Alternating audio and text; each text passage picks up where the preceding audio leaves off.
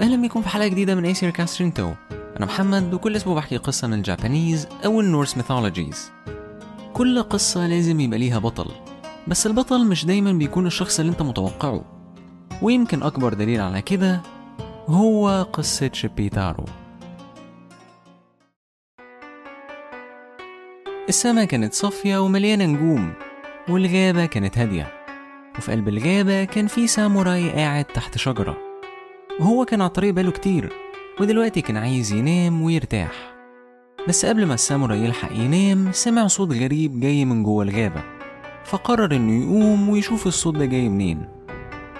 لما الساموراي قرب من مصدر الصوت شاف حاجة غريبة جدا. عيون بتنور في كل حتة وكل العيون دي كانت بتلف حوالين حاجة ضخمة حاجة عيونها أكبر منهم كلهم.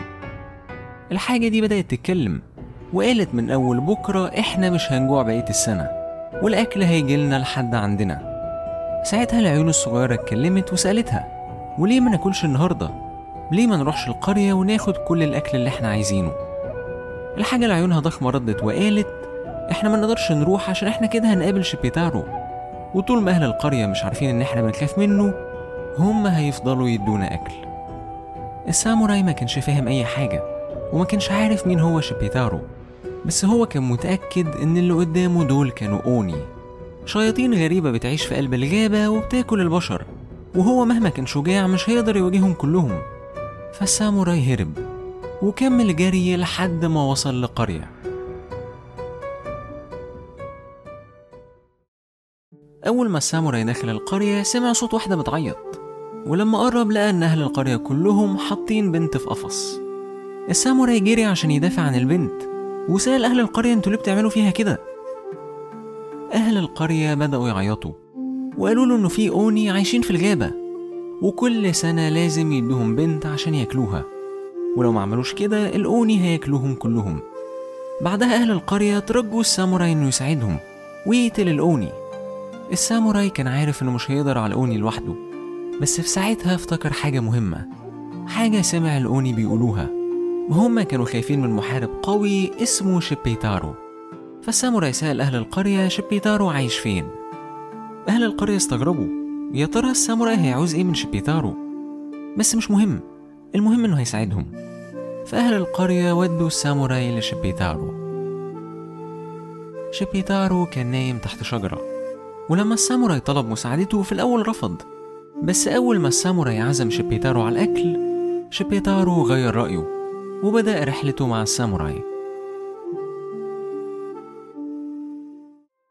الشمس طلعت والساموراي كان مستخبي في الغابة وبيراقب قفص متغطي بقماشة.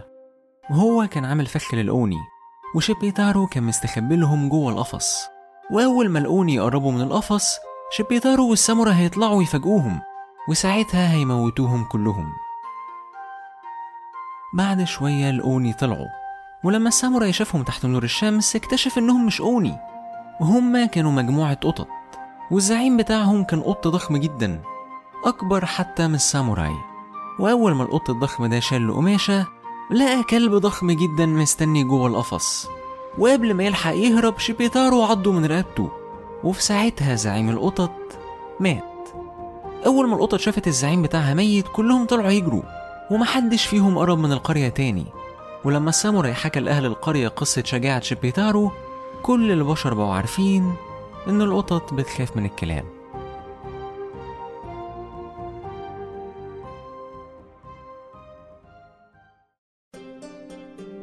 شكرا انكم سمعتوا أي سير كاست شنتو لو عندكم أي comment أو feedback أنا أكيد أحب ان أسمعه ممكن تسيبوا review على Apple Podcasts أو comment على ال Facebook page أي سير كاست شنتو هي واحدة من بودكاست انسوز انسوز هي مجموعة من البودكاست اللي أنا بحكي فيها قصص. لو حابب تسمع حلقات زيادة تسمع الحلقات بدري عن ميعادها أو تساعدني نعمل بودكاست أكتر ممكن تدعمني عن طريق Patreon وهسيب ال link في ال show notes وأشوفكم الأسبوع الجاي في حلقة جديدة من أيسير كاسترينتو